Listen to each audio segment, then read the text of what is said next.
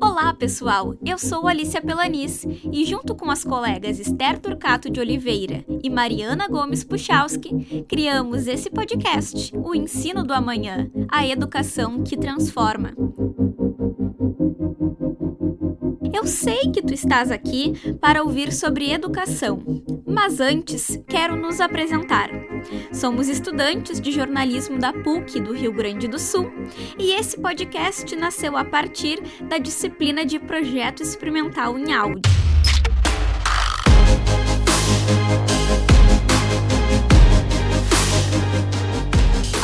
Começar falando sobre o assunto do episódio de hoje, deixa eu te contar um pouco mais do nosso podcast e do que encontrará por aqui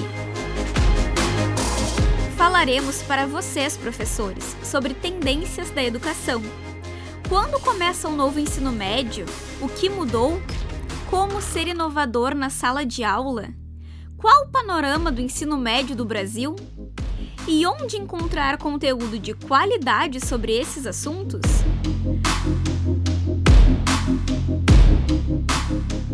Mas a grande pergunta que faremos para ti é qual o teu papel no futuro da educação?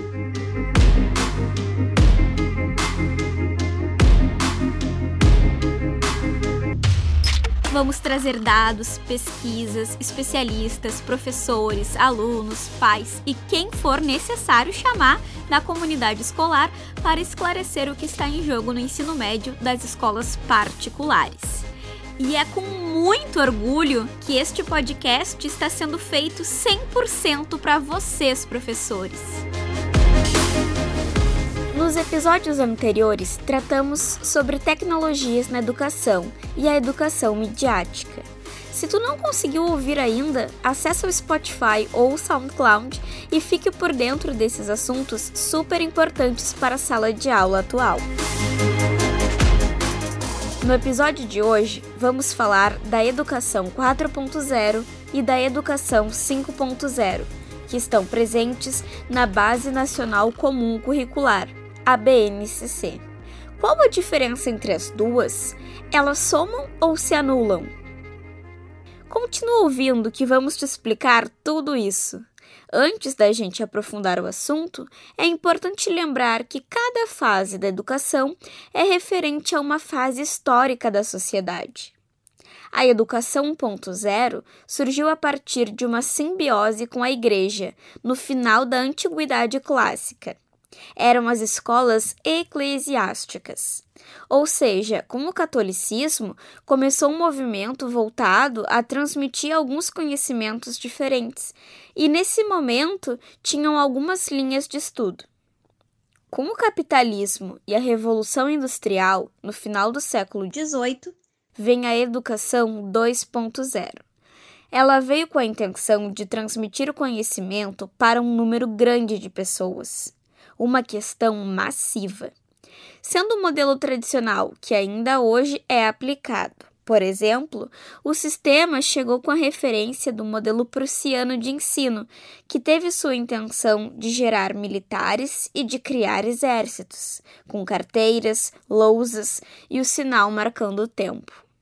Na 3.0, houve o surgimento do acesso à internet dentro da sala de aula e o professor vai para um lugar novo, de facilitador.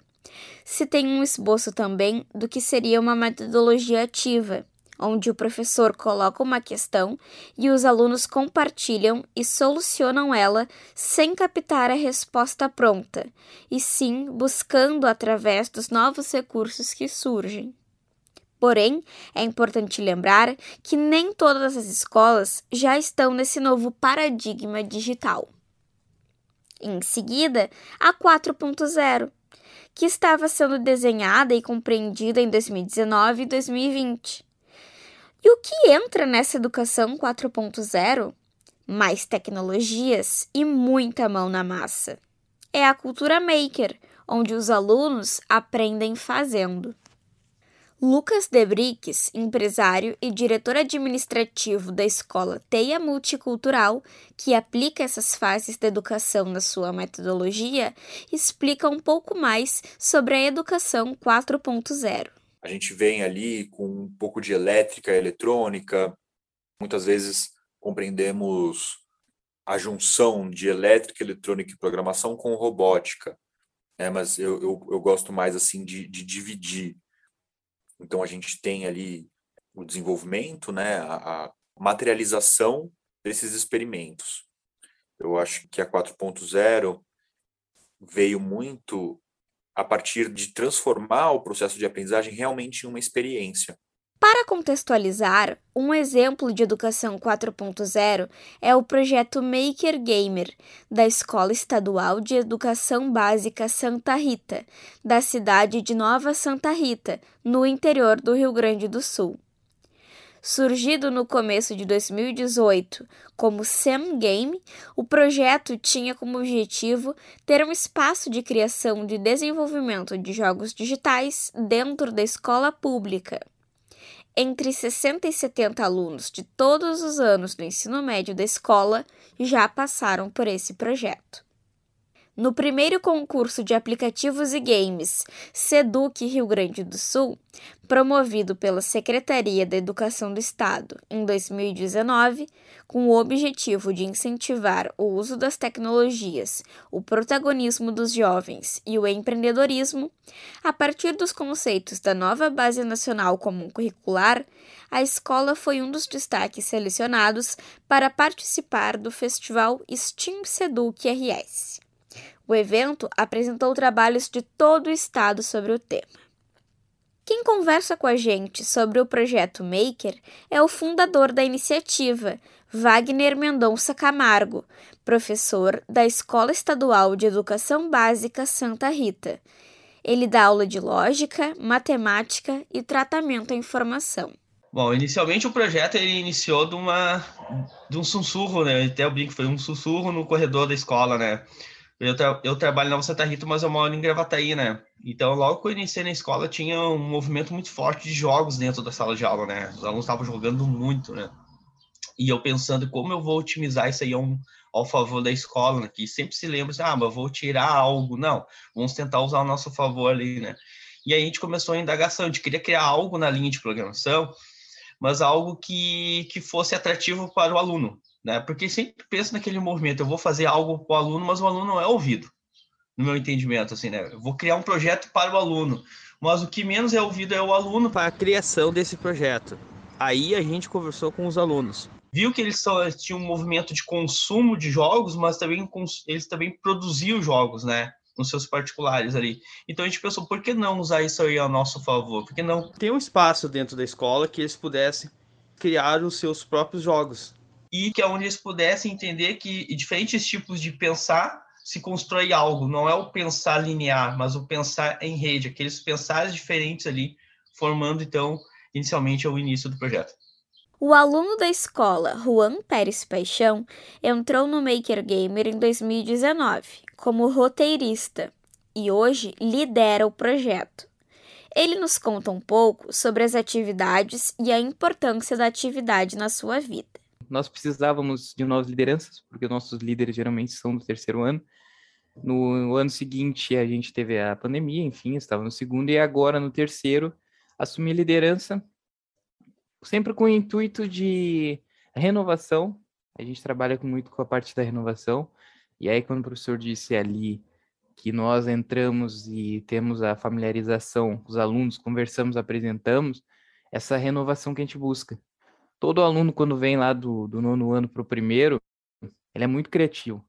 E cabe a nós mostrar para ele que a, escola que ele está frequentando, um novo ambiente, tem uh, possibilidades, tem projetos que vão agregar a habilidade que ele já tem.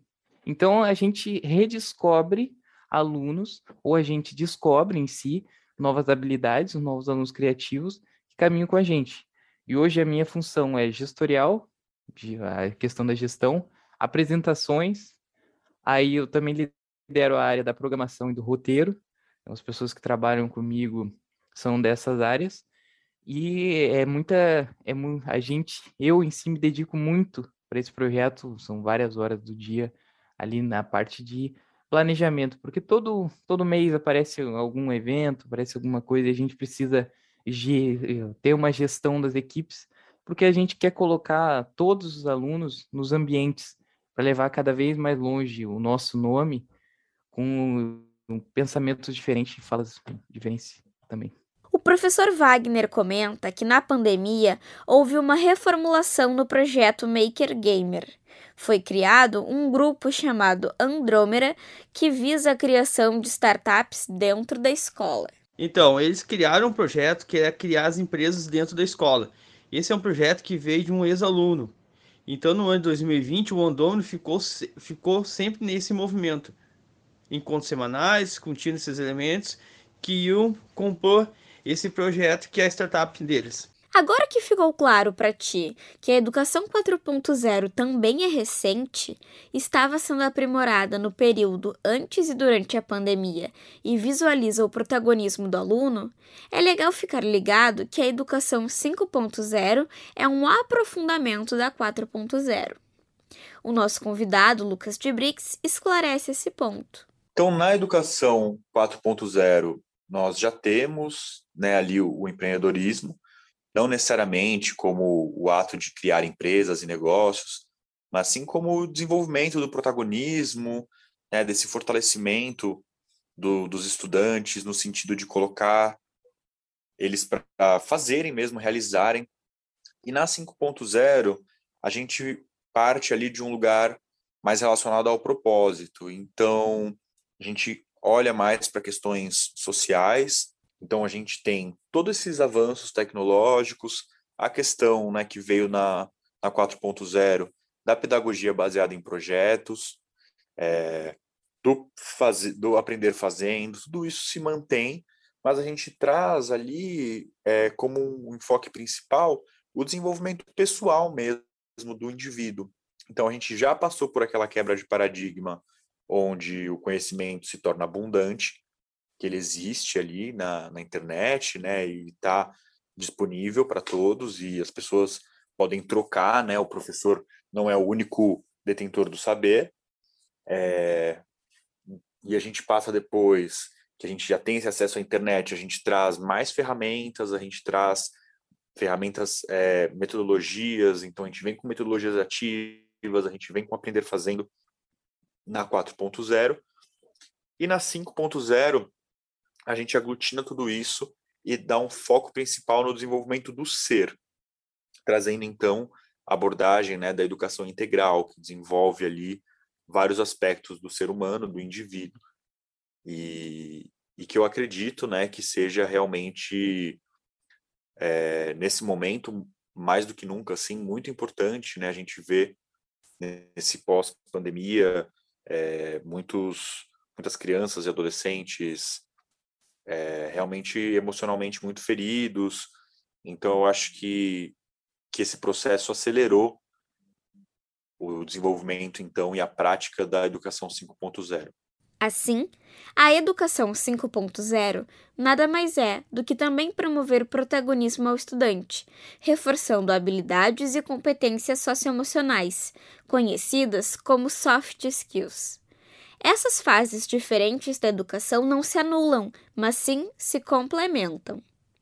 É importante lembrar que as competências emocionais estão presentes na base comum curricular. Mas quais são essas competências? De acordo com a CASEL, instituição norte-americana sem fins lucrativos, que busca desenvolver as habilidades socioemocionais dos alunos da educação básica, a qual a BNCC se baseia, há cinco competências emocionais principais a serem trabalhadas. A primeira é a autoconsciência, para que as crianças e jovens se conheçam profundamente e sejam capazes de identificar seus pontos fortes e suas limitações. A segunda é a autogestão, que diz respeito ao gerenciamento de estresse. Já a terceira competência emocional é a consciência social, ou seja, o trabalho do exercício da empatia.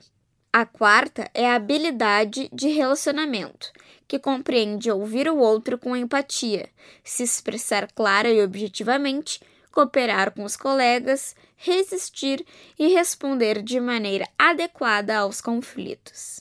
E por fim, A quinta é a tomada de decisão responsável, que envolve escolhas pessoais e interações sociais que seguem normas, padrões éticos e morais desenvolvidos socialmente, além de medidas de segurança gerais.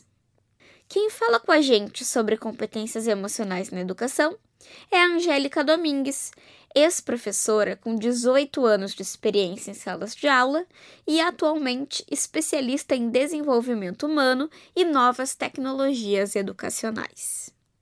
A Angélica destaca que, para conseguir aprender as competências socioemocionais previstas na BNCC, é importante se basear em quatro pilares. A gente pode pensar competência em dois níveis, eu vou colocar aqui em grupos separados.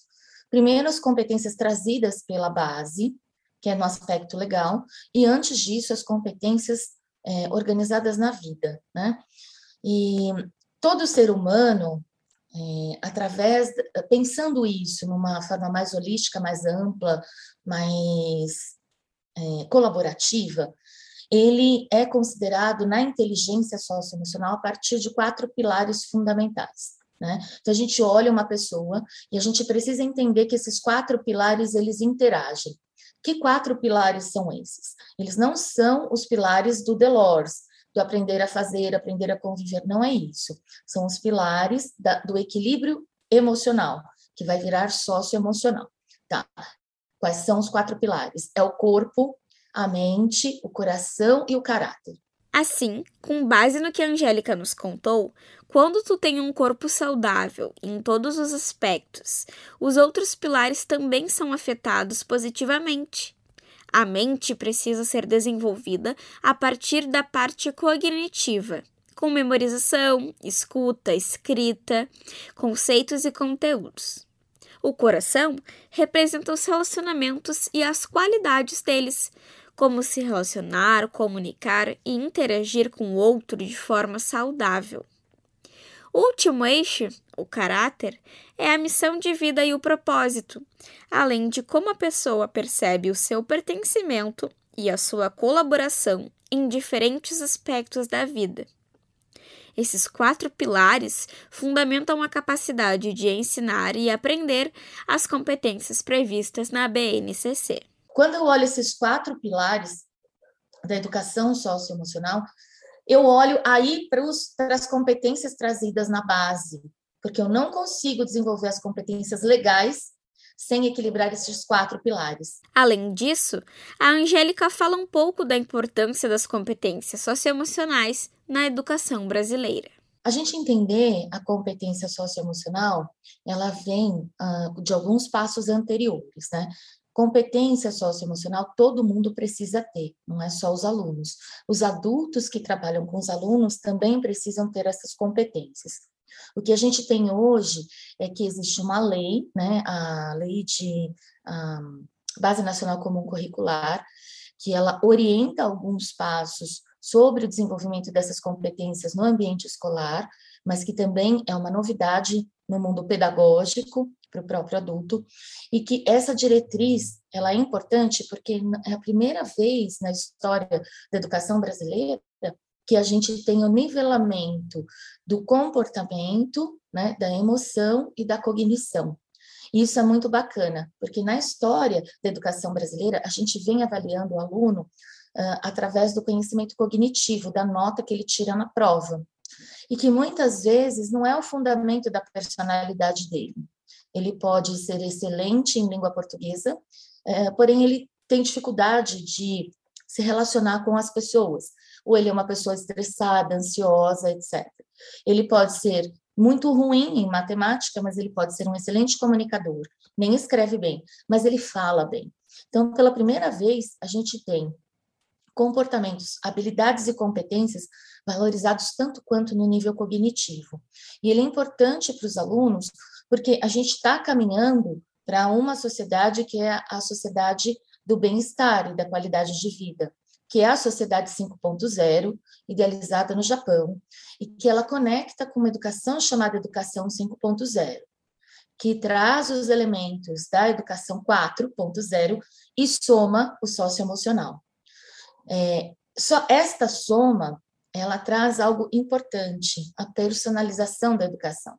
Então, antes fundamentos, que eram desconsiderados, perfil do aluno, como ele aprende, como ele se comunica, como ele se relaciona, hoje estão no centro da atenção dos educadores, que é converter todo este processo técnico em um processo que seja é, possível para o aluno de qualquer idade. E tudo isso começa na escola, com os pequenos, né? lá na educação infantil, onde, é, através de determinadas atividades, determinadas propostas, a gente vai estimulando todas as competências pedidas na base e outras também, como autoconhecimento, autorregulação, autorrealização. Tem uma letra, tem é, conteúdos para todas as letras do alfabeto. E como adquirir essas competências?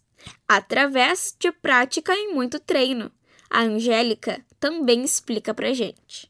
Hoje a gente já sabe que para adquirir uma competência, você precisa treinar, e treinar ela várias vezes todos os dias. E a gente, para chegar numa competência, eu preciso ter uma habilidade. Uma habilidade vira uma competência. Então, eu preciso criar oportunidade para que esses alunos ou qualquer pessoa acessem essas habilidades, tenham essas experiências para virar isso algo que vem depois da educação socioemocional, que é inteligência socioemocional. Usar aquilo que eu aprendi a favor de conquistar aquilo que é o resultado na minha vida pessoal e profissional na vida futura. Então, realmente começa lá o quanto a gente estimula essas novas gerações, essas crianças, esses adolescentes, a uh, terem essas habilidades, desenvolverem competências que antes não eram necessárias, mas hoje elas são é, praticamente de sobrevivência, né, de compreensão de mundo. Para os professores que se interessaram pelo assunto e estão em busca de desenvolver as competências socioemocionais para assim trabalhar elas em sala de aula com seus estudantes, temos uma super dica. O site da Angélica, angelicadomingues.com, conta com informações sobre serviços de palestras, mentorias, assessoria, treinamentos e atendimentos personalizados para pessoas que atuam na área da educação. Aliás, um exemplo de educação 5.0 na prática é a Escola Teia Multicultural, que já citamos neste episódio. Ela atende alunos desde o berçário até o ensino médio, e ela é reconhecida pelo Ministério da Educação, o MEC, como uma instituição que lidera o processo de desenvolvimento da educação. A principal abordagem pedagógica da instituição é o autoconhecimento, tendo como principal ferramenta a arte e mesclando conteúdos da BNCC ao desenvolvimento dos estudantes em disciplinas interdisciplinares. O Lucas Debriques, nosso convidado do podcast e diretor administrativo da TEIA Multicultural, conta um pouco sobre sua percepção da educação 5.0. Olha, eu acho que a gente, a educação 5.0 está relacionada a construirmos um mundo melhor, esse é o grande ponto, né? É, quem eu compartilho desse pensamento e acredito que muitas outras pessoas que trabalham com educação também, é, a gente trabalha com educação por propósito. Então eu acredito que a melhor maneira de eu criar um mundo melhor é através da educação, é, é, é entregando uma educação de qualidade. E eu acredito que educação de qualidade não é simplesmente ter boas colocações no vestibular, é criar seres humanos que sejam agentes de transformação. Então, a partir do momento que eu estou trabalhando com os meus alunos para que eles sejam é, agentes de transformação de, de maneira autônoma, eu estou contribuindo, então é a minha forma de contribuir para a sociedade se tornar um lugar melhor para a gente viver, para as próximas gerações viverem, pelo menos. Na pandemia do coronavírus, a importância das competências socioemocionais ficou muito evidente. Nossa convidada, Angélica Domingues, comenta sobre como as escolas podem desenvolver competências socioemocionais pós-pandemia. A gente não se conecta pelo conhecimento da pessoa, a gente se conecta pela emoção, porque eu gostei de algo ou identifiquei algo naquela pessoa que faz sentido no meu mapa. Então, olhar para as pessoas e buscar esta conexão, é, ela é super importante. As escolas precisam investir em capacitação, em treinamento dos seus educadores, suas equipes pedagógicas, para que encontrem pontos de conexão. E onde esses pontos, através de equipes diversificadas, equipes homogêneas não levam à conexão. Tá? O que leva à conexão é a diversidade, é a opção de escolha onde o aluno, o estudante, ele pode escolher quem é o modelo. A gente aprende por modelagem, por cópia, por inspiração. Inspiração nada mais é do que a pessoa faz uma coisa bacana, eu acho aquilo legal e eu vou me inspirar e fazer igual a ela, né? Então, se eu tenho todo esse movimento na área educacional, é importante eu consegui entender que a escola precisa ser este ponto de conexão. Ela tem que deixar de ser vista como conteudista, mas ela tem que ser vista como transformadora. Então, como que eu mexo nisso? Primeiro, capacitando gestão. A gestão precisa ter um olhar mais aberto e mais humano dos processos, e ele vai ser mais produtivo. E a capacitação das equipes. Quem também traz sua visão sobre a educação 5.0 pós-pandemia é Lucas Debrix. Muitos estudantes estão chegando na escola realmente bastante machucados. É, eu acho que tem dois pontos ali que são importantes né, da educação 5.0. Um deles é a questão do aprender fazendo, ele é mais prazeroso. Né? Então tem ali uma, um significado novo. Quando a gente aprende, né? Porque ah, estou aprendendo aqui a fazer esse cálculo porque ele vai cair na prova, porque se eu não for bem na prova, eu vou tomar uma bronca dos meus pais, eu vou decepcionar a minha família, é, eu vou, não vou passar no vestibular, não vou chegar numa faculdade, eu não vou ter emprego, eu não vou ter uma boa família, eu não vou, enfim. E esse, essa relação é muito pautada no medo. E a gente teve realmente um bom motivo para ter medo, sabe? Então eu acho que é um momento onde ninguém, nenhum professor, na verdade, nunca deveria, né? Mas que eu acho que ninguém é, tem que ficar se utilizando do medo para persuadir ninguém, sabe? Então, quando a gente aprende com um objetivo mais claro, então eu estou aprendendo esse cálculo, não é por tudo isso que eu disse anteriormente, é porque eu vou fazer uma garrafa e essa garrafa vai servir para o meu projeto, que é um suco natural. Estou falando aqui da garrafa porque tem uma garrafa na minha frente. A conta fecha, é, fica muito mais palpável. Isso traz o processo de aprendizagem para um lugar de muito mais prazer. Então, principalmente os adolescentes, né, eles estão com bastante dificuldade de retornar, eles estão muito confortáveis ao mesmo tempo, sabe, nas suas bolhas ali. Então, eu acho que é importante, por essa questão da mão na massa, é, pela perspectiva do ser humano integral, então, que passou ali dois anos né, sem, sem ter relações sociais, então agora ele está precisando socializar, ele está precisando trocar com outras pessoas, então tem essa questão que é muito importante. É, a questão, então, emocional, que está bastante ferida. Eu acho que são esses os, os dois grandes pontos, sabe? É trazer o aprender fazendo, que traz mais prazer, mais significado, estimula e, e realmente engaja, e ao mesmo tempo as questões a questão toda socioemocional, onde mais do que nunca precisamos, né, desse apoio emocional, desse apoio na questão social e, e também desse desenvolvimento da, do, dos, dos valores, dos conceitos que formam ali a nossa ética. Como percebemos nesse episódio, as diferentes fases da educação não se anulam, vieram para se complementar de acordo com o momento em que estamos vivendo.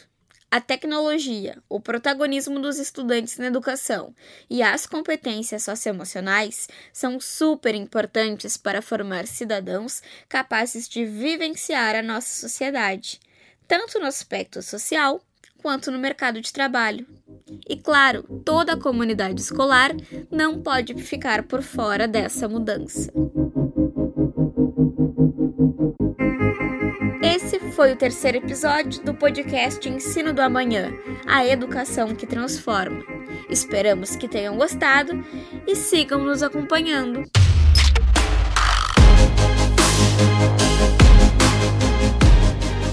Nos acompanhem também no WhatsApp Lá vocês receberão nossos episódios e um conteúdo especial com dicas e materiais para vocês, professores, inovarem em suas salas de aula para o ensino médio, além de um panorama da educação particular no Brasil. Anota aí para receber nosso conteúdo no teu WhatsApp. O DDD é 51 e o telefone é 98655 1998 e envie Quero Saber Mais. Aproveite para compartilhar conhecimento, dúvidas, temas, feedbacks. Eu sou a estudante de jornalismo Alicia Pelanis e, junto com as colegas Esther Turcato de Oliveira e Mariana Gomes Puchalski, fizemos a produção e o roteiro do podcast Ensino do Amanhã A Educação que Transforma esse que você acabou de ouvir. Obrigada, Fabrício de Carvalho, pelo apoio na técnica e na edição. E obrigada a você por essa escuta sensível. Até a próxima!